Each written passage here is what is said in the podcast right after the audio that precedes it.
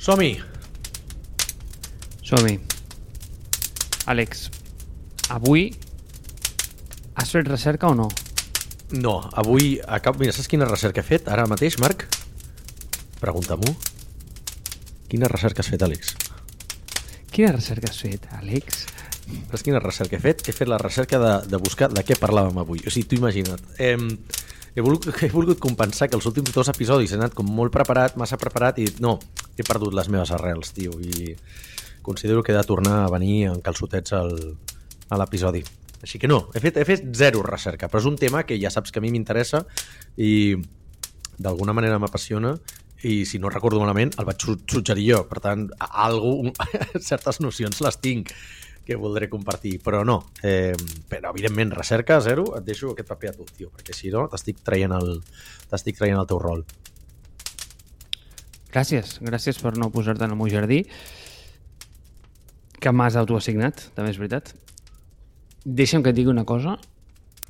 En un context normal estaria molt enfadat amb tu perquè si tu em proposes una cosa i després ho fas recerca... que, a veure, ets com... Saps el mític amic que proposa un sopar i no l'organitza ell mateixa cosa, vale? mateixa cosa. Eh, podria ser aquest personatge, però en aquest context en concret no estic enfadat. De fet, estic molt agraït perquè aquest és un tema que hagués pogut no importar-me un pet i gràcies a tu no he fet res més en tota la setmana. O sigui, creu-me que avui estàs parlant amb un autèntic expert. De veritat, eh? Que és, que és, o sigui, per on has començat? Perquè uh, és un meló, val? o sigui, el tema de per què estem millors que fa 100 anys, no? O sigui, per posar en context d'audiència, al final tots tenim gent catastrofista al nostre voltant. Per què, per què volia jo parlar d'aquest tema? Perquè no paro de sentir autèntiques gilipollades com eh, el món s'està anant a la merda, eh, eh, això s'ho ha carregat tot, cada cop vivim pitjor, això és una desgràcia... O sigui, el, el todo mal és un desastre, sobretot, i ho sents de gent que és extremadament privilegiada, o sigui, gent que viu a Barcelona, gent blanca, cis, heterosexual, eh, que té feina, potser probablement no tingui la millor feina del món, però eh, gent molt catastrofista, no? I, hòstia, eh, crec que és un discurs que ha anat cada cop a més d'ençà que hi ha hagut la pandèmia, val? I, hòstia, veus, això al final no m'arregla la societat en res i al final pot venir un virus i ens mata tots. I ara et diré, mmm, estem parlant d'aquest tema, però hauríem, potser, en rigorosa actualitat, hauríem d'estar parlant de, un altre cop, de la ciclicitat de, de, de, de les grans destrosses bancàries. Vull dir, aquest cap de setmana vam tenir el show de Silicon Valley i avui, ahir, tenim Crèdit Suís. I en parlarem d'això. Però, evidentment, la gent s'ancla en aquest tipus de... o s'escuda en aquest tipus de fets que estan molt fora del seu abast per justificar una narrativa catastrofista que conforma amb la seva visió de la vida. Val? Aleshores, hòstia, parlem-ne, saps? Vull dir, els problemes que tenim avui en dia res a veure amb els problemes de fa 100 anys o 150 anys, eh? Vull dir, eh, i per això vull saber per on has començat la recerca, perquè és un meló que té molts angles. Mira, t'he deixat parlar perquè crec que el que va passar ara serà divertit. I és que crec que no te'n recordes que vas ser tu, aquesta setmana, el que em va dir que ara no parlaríem d'això, parlaríem del Silicon Valley Bank. I per un moment, per un moment, pensava que m'estaves fent una broma. Però com No, que no, no. Dos minuts parlant d'això, he dit, no, no, Tate, o sigui, no t'està Pues- fent una broma. És que realment, és que realment el tio no se'n recorda. No, perquè he anat a mirar el Notion, tio, el Notion no està a de Silicon Valley Bank. Aleshores, aquí hi ha un fallo de sistema. Perquè Parlant de si Sili- puges una mica per la nostra conversa de WhatsApp, veuràs que em Clar. vas dir Marc, hem de parlar del Silicon Valley Bank. I jo no he fet res de recerca sobre per què estem millor que fa 100 anys. Eh, a, a part d'haver-me llegit un llibre de Matt Ridley que es diu The Rational Optimist, que està molt bé i que ja és justament parla d'això. Està patant el sistema, Marc, perquè tenim un eh, single eh, point of truth i no ha funcionat. O sigui, Notion, i en parlarem de Notion. No, no, no, No, no. tenim un single point of truth, el que tenim és un single point of failure que ets tu, bàsicament. Exacte. Vale, doncs parlem de Silicon Valley Bank. Em va bé, eh? Em va bé, perquè jo al final el tinc, és un tema que tinc bastant, bastant fresc i bastant... Vol, vols explicar-ho tu des del punt de vista de recerca o vols, vols que expliqui jo des del punt de vista de persona que no en té ni puta idea del sistema bancari, però, eh, evidentment, ha fet la, la, la recerca de explica-m'ho, com si fos un nen de 5 anys, perquè són totes les nocions que tinc jo de, de macroeconomia. Vale, t'ho explico com si fossis un nen de 5 anys. A veure si ho Val, entens. fantàstic. Sí. Vinga, Àlex, endavant.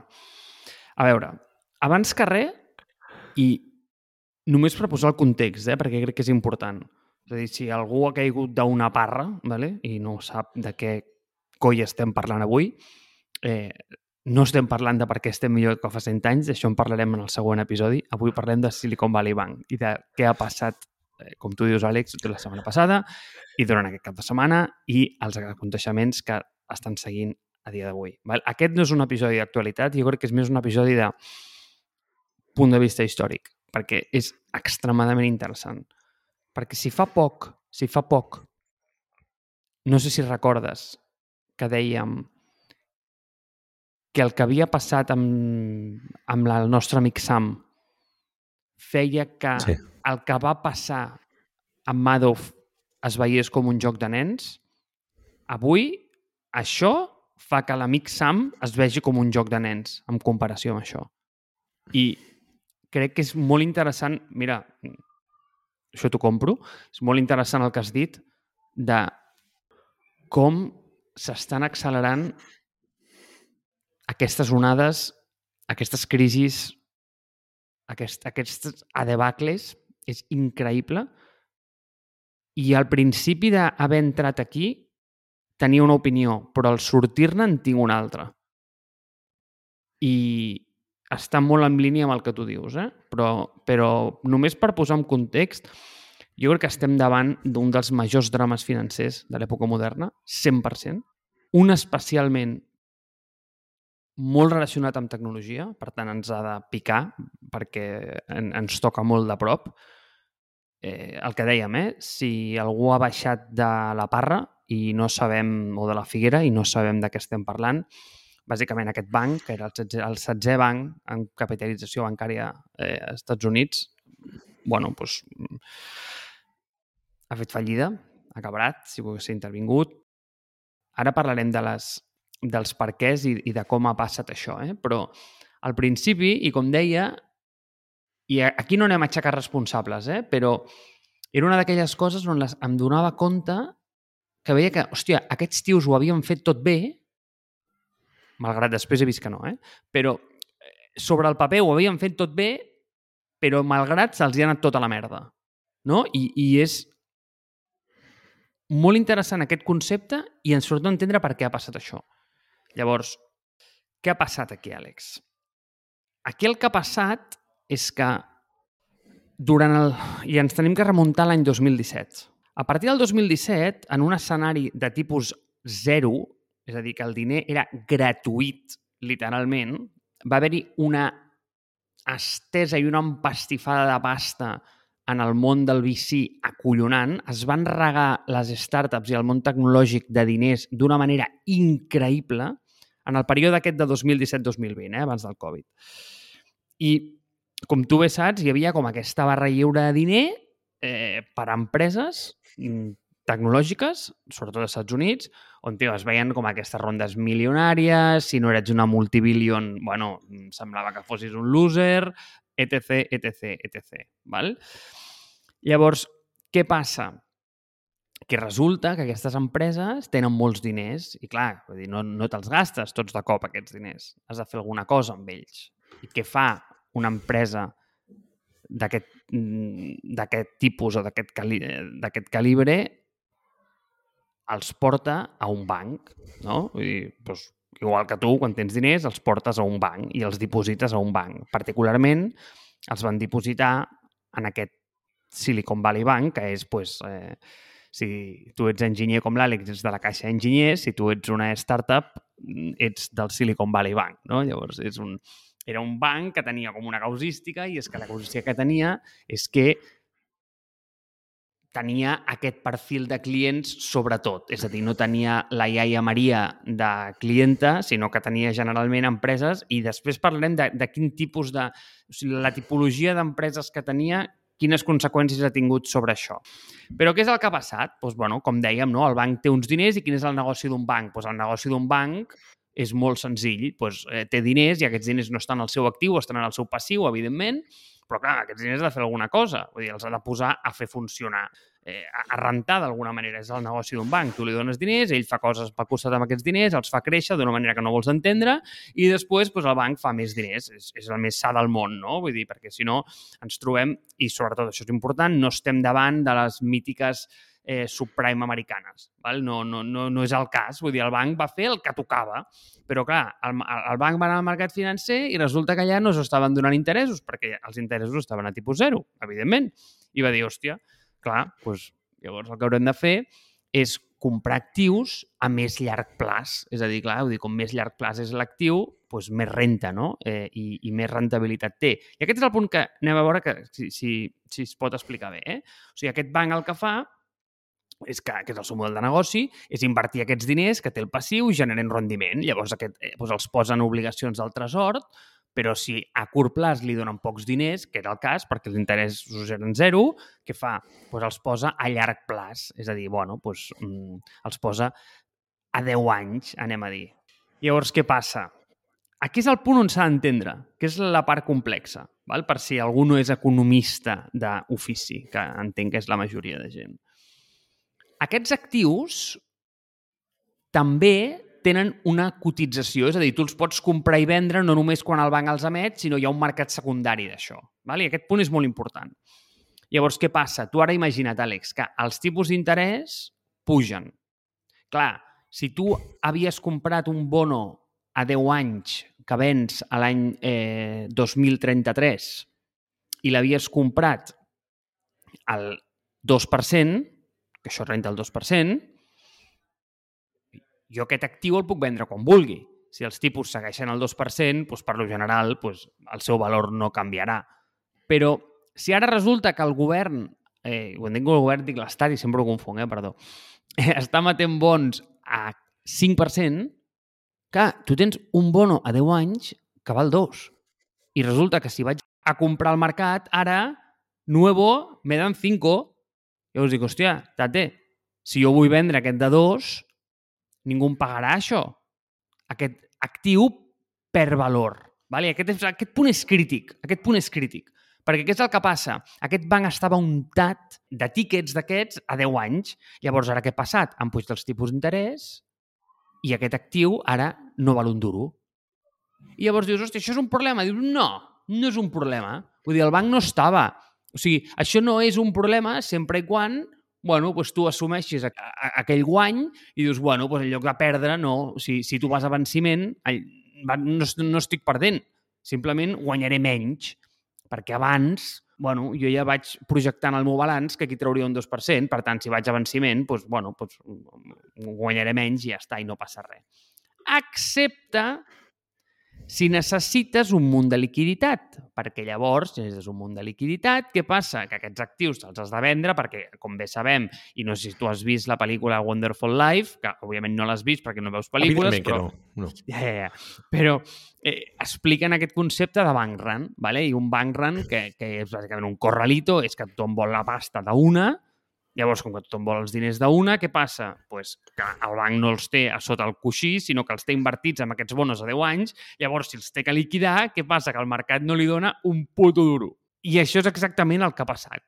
Llavors, això ja se sabia. Ja va sortir fa 5 o 6 mesos, això, amb una notícia, que aquest banc estava infectat i no només aquest, eh, de bons de, de, de, de llarg plaç i que la i ho sento, vaig a dir la paraula, i responsabilitat d'un govern de tenir els tipus durant tant temps i fer creure que estarien tant temps a zero ha fet que ara la pujada de tipus tingui conseqüències, i aquesta és una d'elles, és a dir, que els bons que tota la gent els ha anat comprant a tipus d'interès negatiu, sobretot aquí a Europa també, ara valen absolutament basura, i per tant, si tu... És a dir, és que aquest punt és molt crític, és a dir, això no és un problema si tu no necessites el líquid. Si tu vas a venciment, està bé, està bé, però si tu el necessites, clar, en el moment que liquides aquesta venda, has d'assumir unes pèrdues acollonant, no? Llavors aquest concepte, eh, bueno, no sé en el món català, eh, però en el món anglosaxó es diu duration mismatch, no? I és que tens eh, actius que els tens durant molt temps no? I, i llavors corres el risc, no? perquè pots esperar venciment, no has d'acceptar la pèrdua en el balanç, tot va sobre el pla que tenies o pots vendre. No? Això pot passar-te al revés, també. Si haguessis comprat a tipus molt alts i ara els tipus baixessin, aquest bo valdria més ara, perquè no pots anar a comprar una cosa així al mercat. No?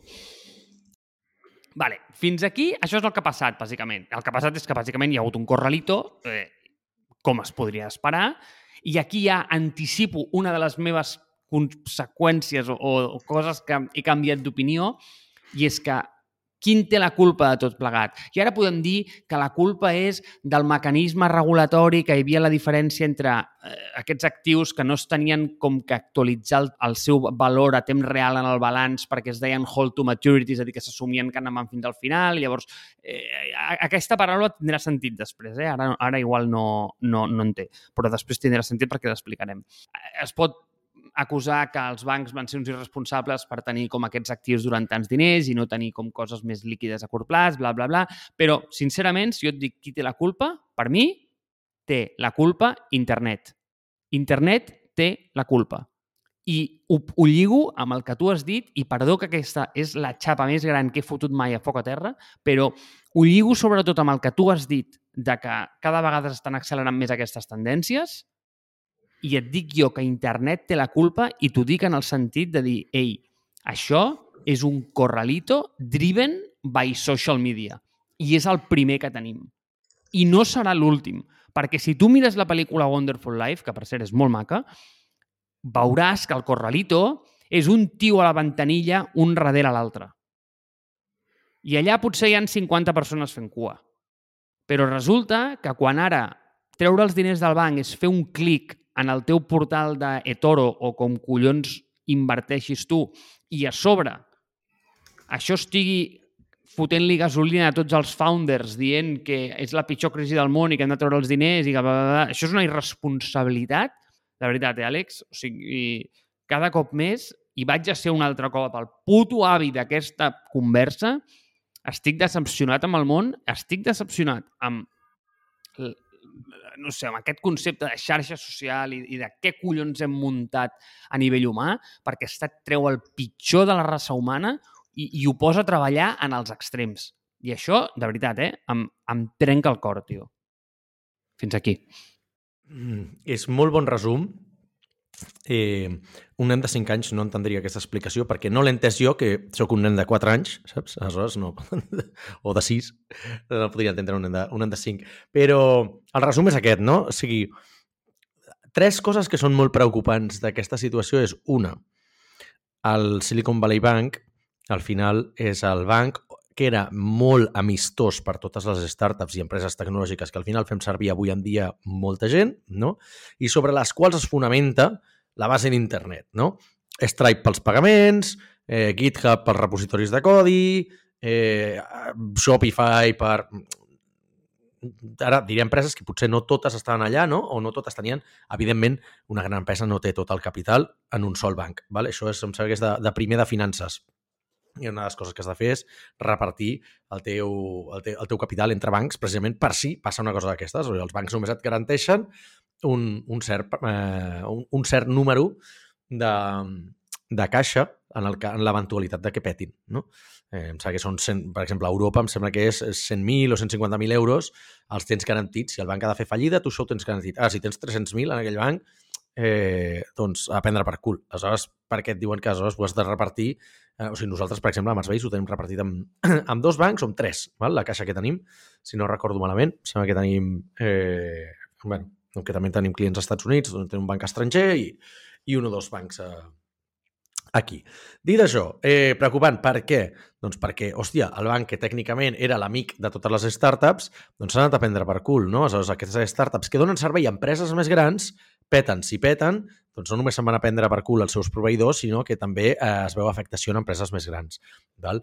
La retòrica que feien servir el Silicon Valley Bank és els bancs són molt complicats, són molt lents, són molt farragosos, vine amb nosaltres que som més àgils i a nosaltres entenem de startups i tenen una reputació meravellosa. Val? Han tingut una reputació, Marc, com diries tu, pristina. Però, clar, què passa? Doncs aquí hi ha hagut un, una part de management que no ha anat del tot bé. Segona cosa que és molt preocupant, el que dius tu del social media. Val? Eh, és potser una situació, i ara aquí estic especulant, eh, que no s'hauria donat fa 30 anys, per què? Perquè és que va començar a córrer la notícia. Primer va córrer fora de social media, val? i anirà, lligarem al tercer, amb el tercer punt. Però una persona molt influent dins de Silicon Valley doncs va dir, ei, eh, aquest banc no va bé. Nosaltres hem tret tota la pasta. Eh, un VC, Mentor Capital, que va dir, eh, va trucar a totes les seves empreses, les empreses del seu portafoli, i va dir, traieu la pasta. Val? I això va generar l'efecte en cascada de eh, hòstia, vaig avisar els meus amics que també ho facin. I es va acabar, eh, va acabar així en, en condició de corralito, no? Perquè és el que dèiem, o sigui, els bancs generalment treballen sobre la idea de que no tenen mai tota la pasta de la qual disposen. Val? O sigui, realment el que estan fent és invertir i prestar la pasta d'altra gent perquè si no, no generarien beneficis, no generarien interessos. No? Fins aquí és un concepte molt bàsic que fins, eh, fins i tot a a mi m'ha costat d'aprendre. Què passa en el moment que tothom vol treure la seva pasta? el banc mai té tota aquesta pasta de cop, com dius tu, funcionen sobre l'assumpció la, la que això no succeirà mai a la mateixa vegada, val? que tothom traurà pasta de manera esclaonada. I el tercer punt preocupant és que Peter Thiel, vale?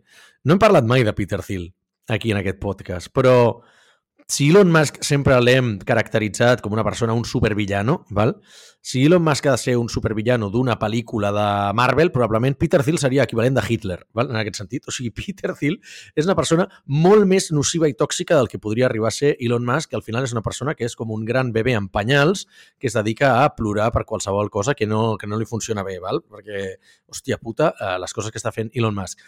El pitjor és que eh, Peter Thiel és molt pitjor, les coses que fa són molt pitjors i molt més qüestionables i, i, i d'una moralitat absolutament tòxica eh, a les esquenes, o eh, sense tenir cap... Com es diu això? Eh, darrere les escenes, no? O sigui, fora, fora, fora, fora de focus.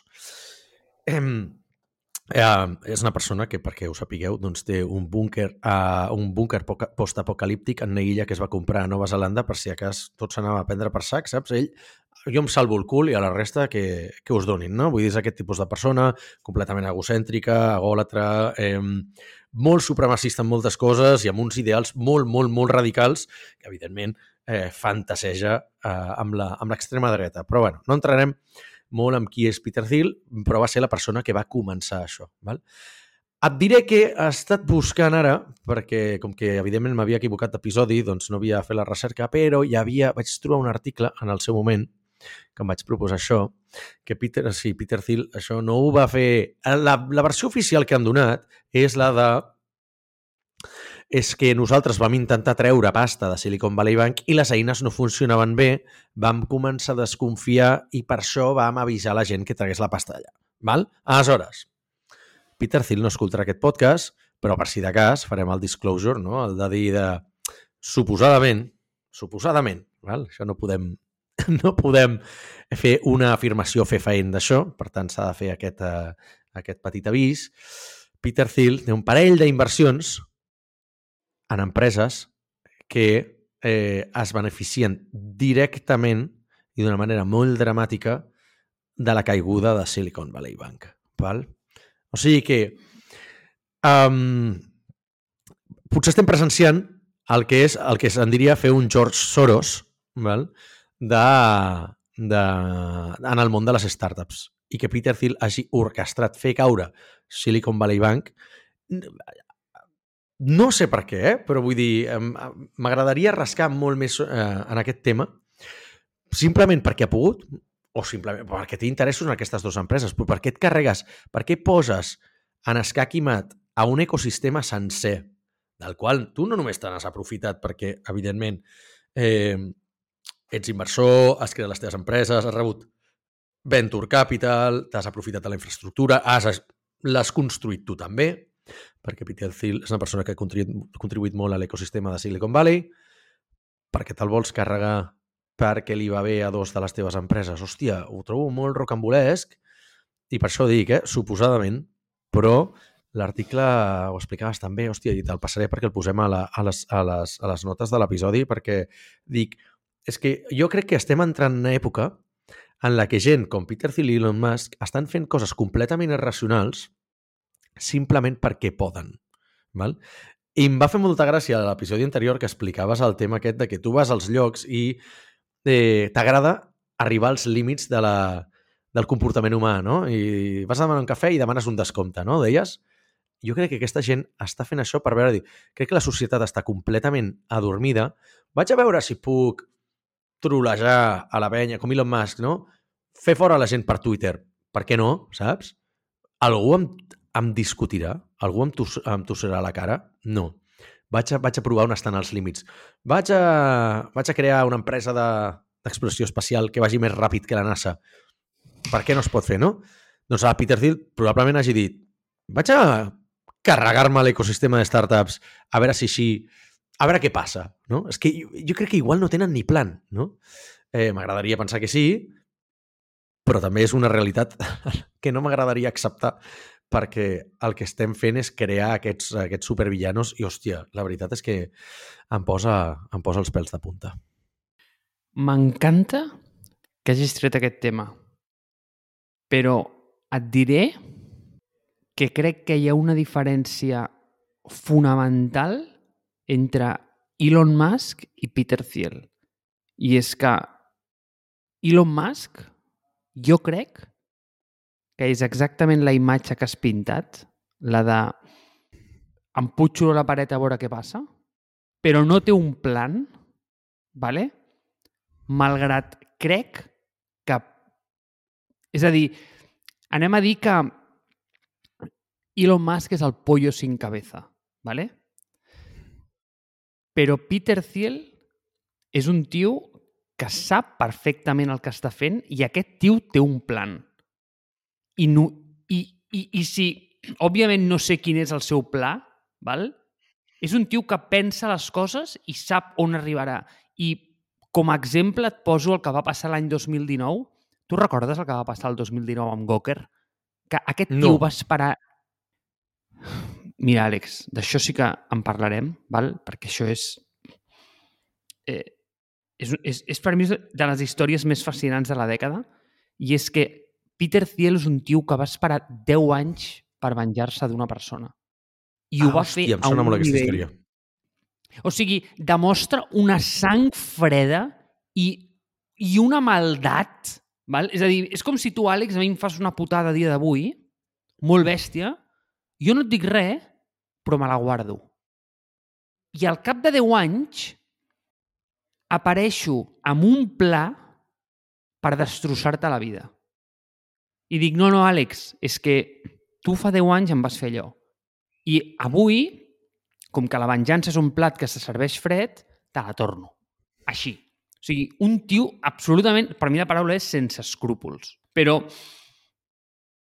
vull entrar un moment i està absolutament relacionat amb això, amb fixa't de la mateixa manera que aquest tio amb un pla de 10 anys va destrossar la vida d'un tio, jo crec que, com tu bé dius, això està orquestrat per ell, no vull entrar en conspiracions ni hòsties, però si ho està, fixa't fins a quin punt aquest tio ha canviat les regles del joc, ¿vale? Atenció, perquè crec que si aquesta jugada entre cometes li surt bé, aquest senyor ha canviat literalment la mecanística i el fonament en el qual se senta el sistema bancari americà. Tu aquí pots anar...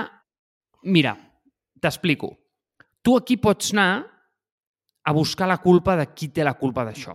Perfecte, anem a fer-ho. Pues dius, hòstia, qui és l'irresponsable? Hòstia, pues, pues, igual irresponsable va ser la FED per deixar de tenir els tipus al 0% durant tant temps i fer creure que sempre estarien al tant per cent, no? I ara de cop, doncs, pujar-los de cop sense pensar que això pot tenir conseqüències, no? Bueno, bueno, podem dir que aquí tenim un culpable, ¿vale? però bueno, si entrem una mica més avall, podem dir, home, igual el culpable no és la FED, no? Igual el culpable, doncs, hòstia, és el banc que va dir pues mira, mm, jo tinc tots els meus actius a venciment de 10 anys i mira, i ja em i confio que, que seguiran així perquè com que aquest m'ha dit que estaran al 0% sempre, doncs, bueno, doncs jo ja assumeixo que això em rentarà un 2 i, i bueno, doncs està ok, vale? llavors doncs, bueno, no, mm, d'alguna manera omets el problema de la liquidesa i, i, i segueixes anar allà. Però llavors dius, hòstia, i, i qui ha tolerat això? O doncs resulta que el sistema bancari se senta sobre una cosa que, i aquí és on anàvem abans, eh, tu pots tenir dos tipus d'actius vale, en un banc, eh, els, que són, els que es diuen HTM, que són els Held to Maturity, que són aquells que tu declares que els tindràs durant molt temps, val? que són aquest tipus, i els altres que són els, els AFS, no? que són els Available for Sale. Aquests que són? Aquests són aquells que et donen liquiditat i si l'Àlex ve i demana diners en el banc, doncs jo te'ls puc liquidar i te'ls puc donar sense subir una pèrdua. Val? Vale. Llavors, Mhm. què és el que passa? Que el sistema de regulació bancari, després del 2008, va dir, home, eh, igual estaria bé que tu com banc tinguessis tants actius com diners has deixat, etc, etc, no? per, per compensar una mica i que no tornés a passar això. Però llavors, què és el que va passar? El que va passar és que, i aquest és el punt important, que és el que injecta vol- volatilitat al sistema, és que els actius que són hold to maturity, és a dir, els que tens que aguantar fins al final, no cal que els hi actualitzis el valor en el teu balanç. Aquest és el punt més crític de tot. El més crític. Perquè, d'alguna manera, què, què passa amb això? Pues, tu imagina't que jo compro un bilió de dòlars en, a, amb aquests bons de, de 10 anys al 2%.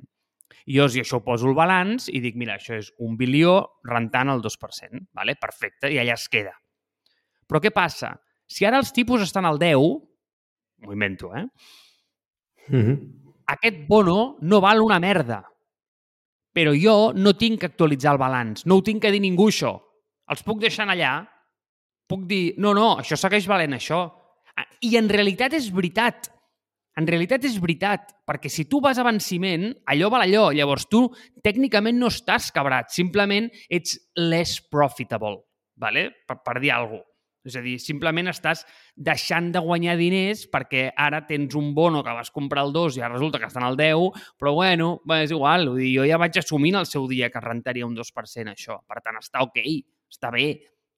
El problema és que s'ha tolerat que aquests actius en el banc i en el balanç, hòstia, no se'ls canvi el valor. I és que no té cap puto sentit, això. Pues això pot ser una responsabilitat pues, bueno, pues, d'aquesta regulació, no? I aquest és el tercer responsable que estem trobant, no? Vull dir, el primer és, és la FED, després està pues, els responsables del banc, després està com aquesta regulació, després pots dir, no, mira, és que el responsable són els founders i aquesta tota calanya d'internet que ha mogut tot plegat i que ha causat aquest pànic injustificat, no? bueno, és possible també, és possible que hagin sigut aquests. Però jo et diré què ha passat aquí. Aquí, en un banc normal, dius, oh no, és que aquests fons estan garantits 250.000 euros per, per persona que els posa. I aquest és el punt que és crític i aquí torno al punt de Peter Thiel que ha canviat les normes del sistema bancari. Fixa't aquest punt. Què és el que passa aquí? Si tu ets una persona física, generalment no tens dipòsits al banc de més de 250.000 euros. És molt raro, molt raro. Eh, perquè i, i, sobretot això és important d'entendre, eh? perquè quan diem dipòsits és diners que tu li poses al banc. Generalment la gent, quan no, doncs els fica en un fons d'inversió. I si un diners està en un fons d'inversió, aquests diners no els té el banc, els té el fons. El banc és un pur intermediari. Però en aquí no. Aquí el banc té el diner al passiu. Si tu fiques el diner en un fons, aquest banc no està al passiu. eh, Aquest diner no està al passiu. Aquí sí, estan en el passiu del banc. Llavors, què passa? Que com que, i aquí tornem a la causística de la particularitat del client de Silicon Valley Bank, com que el client de Silicon Valley Bank era una startup, generalment una startup amb 250.000 euros en i no fa res, perquè ha de pagar nòmines, ha de pagar proveïdors, són molts diners, generalment en té molts més en líquid. I què passa? Que totes aquestes startups, tot el delta entre 250 i el que tenien de més, ho han palmat. Vale? Llavors, què, què, què ha passat? Pues el govern i, i perdó, eh, que segueixo dient el govern sempre i sé que eh, és la distinció entre l'Estat, el govern i la FED. O en podem parlar un dia, creieu-me, la tinc clara, però no sé per què sempre mm, trec incorrectament el terme. És igual. Què ha fet? ha dit no, no, no, no, garantit tot per tothom. Garantit tot per tothom, saps què vol dir? Vol dir que canvies literalment o sigui, la pedra on se senta el sistema bancari a tot arreu. Perquè què és el que passa? Que gira la cadena de riscos. És a dir, en quin moment, si tu poses diners a un passiu o a un banc, no estàs assumint cap risc. Perquè si no estàs assumint cap risc, què estàs dient? No, no, li estàs dient al banc, tio, fot el que et surti de les pilotes. Perquè si entres amb quiebra, vindré jo i et salvaré igualment. Anyway. És a dir, el que estàs injectant és una, una volatilitat del sistema acollonant perquè estàs canviant les regles del joc en el qual es fonamenta el capitalisme. Estàs dient, no, no, no, tio, o sigui, tu ara pots ficar-me diners en aquí i tu els estàs posant a risc zero perquè jo, no et preocupis, que el papà estat vindrà i et salvarà sempre que tu vulguis. Llavors, què estàs dient? Estàs dient, contribuent, no tens risc de res, fot els diners al banc, que te'ls tornarem sempre, cosa que és falsa, òbviament, i estàs dient banc, com que jo et rescataré anyway, tu aquests diners com si els vols dedicar a, a, a posar-los amb Dogecoins. És que està bé. Si els perds, no importa, perquè també vindré jo i et salvaré el contribuent, no et preocupis. I, tio, si realment això és un acte de, anem a dir, venjança freda de Peter Thiel o de maniobra cega de Peter Thiel, crec que és de les coses més rellevants que s'ha fet por lo bajini i amb un pla estratègic que mai s'ha fet a la història moderna, jo crec. A mi el que em preocupa de tot això és que, que creï un precedent, no? o sigui, la cultura de... L'altre dia llegia, i ara igual em foto un jardí que donaria per un altre episodi, eh, per, per tres o quatre, que és que la cultura de l'entitlement ve de la combinació de béns a favor val? o sigui, de bona, de bona, d'èpoques d'estabilitat i de bonança econòmica i de la cultura de la del et salvo si et fiques en problemes. Val? La de sempre tenir algú que permanentment està vetllant i t'està corregint els errors perquè encara que hagis corregit alguna cosa, doncs eh, sempre hi ha algú que et, et traurà les castanyes del foc. No? no sé fins a quin punt això es trasllada al que estem comentant aquí. És a dir, hòstia, ara potser hi haurà altres bancs que augmentaran el tipus de risc i diran, bueno, si han salvat a Silicon Valley Bank, per què no m'haurien de salvar a mi, no? Eh, bueno, salvat, és que realment, va, realment també hauríem de parlar d'això, perquè realment no... Salvar no s'ha salvat, o sigui, el banc s'ha hagut, de, hagut de vendre, eh, és que anava a dir, la part, la part de UK, per exemple, és que es ven aquest, aquest banc de UK, que són sigles, que són HP, NBC o una cosa d'aquestes que no sé, no sé mai com es diu, no? Eh, però, clar, Vull dir, el paper del, de l'Estat en aquest tipus de coses, a Espanya, per exemple, sempre ha estat nefast, no? Sempre ha estat el tema aquest de el rescat de Bànquia, no? el rescat de no sé què. Alguns bancs no s'han rescatat i s'han hagut de, es van haver de, de vendre o de, de malvendre, però per lo general els bancs afins a la corda política de segons quin partit doncs han estat rescatats, no? I allò ha passat a la història i doncs, bueno, i aquí hem continuat mirant cap a un altre lloc, no? En aquest cas, que és el que...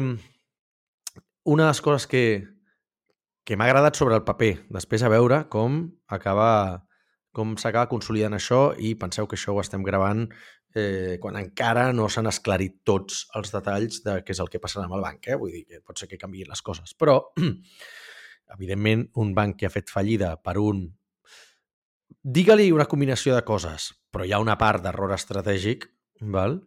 per temes de no diversificació, per temes de sobreconfiança, perquè dius, collons, ets un banc, saps? Vull dir, potser no hauries d'haver posat tota la teva fe en aquest tipus de... o haver confiat en que, doncs, eh, bueno, en, la, en, la, en la bona fe de l'Estat, de Reserva Federal, d'una inflació als nivells que estava i el que deies tu, no? el els tipus d'interès que no canvissin tan dràsticament. No ho sé. Aleshores, el tema aquest de el banc s'ha de deixar caure, s'ha de mantenir el, en la mesura possible el nivell de dipòsits o de, de caixa que hi havia allà de la gent, els comptes que ho tenien ingressat, però s'ha de fer pagar els responsables. S'ha de fer pagar els responsables perquè és una desastre econòmica que si no s'hagués parat en aquests dos dies, no? Podria haver creat un efecte cascada, un efecte dominó, a la resta de bancs d'Estats Units i per extensió de la resta del planeta. Eh? I, I jo vull pensar que això s'ha quedat aquí, però Credit Suisse em fa pensar que no. Val? Que estic, d'alguna manera, eh, eh, i ara causaré alarmisme, però estic tenint 2020 vibes, saps? Vull dir, de, el moment aquell de, de, de, del 2020 que no t'ho creies, que és, no, però això no arribarà aquí i tal, i anaves veient notícies i cada cop ho veies una miqueta més a prop, bueno, va, però no serà tan greu, m'està començant a arribar aquelles, aquelles sensacions i és una putada. Perquè, hòstia, tio, saps? Vull dir, és que no acabem d'una cosa per entrar en una altra, saps? Això és el que passa quan estem jugant amb l'exponencialitat, que és un tema que ja ha sortit eh, en molts episodis. Però sobretot, i mira, per, per acabar-ho aquí, eh, crec que, crec que ja portem força estona parlant d'aquest tema i cada minut que passa estic més a prop d'exposar cada cop més la meva ignorància i crec que ho he dissimulat força bé fins ara, no m'agradaria cagar-la, no? Però va agradar molt un tuit que vaig veure del fundador de TechCrunch que va dir, hòstia, interessant quan hi ha un col·lapse bancari que tots els capitalistes es converteixen en socialistes. Saps?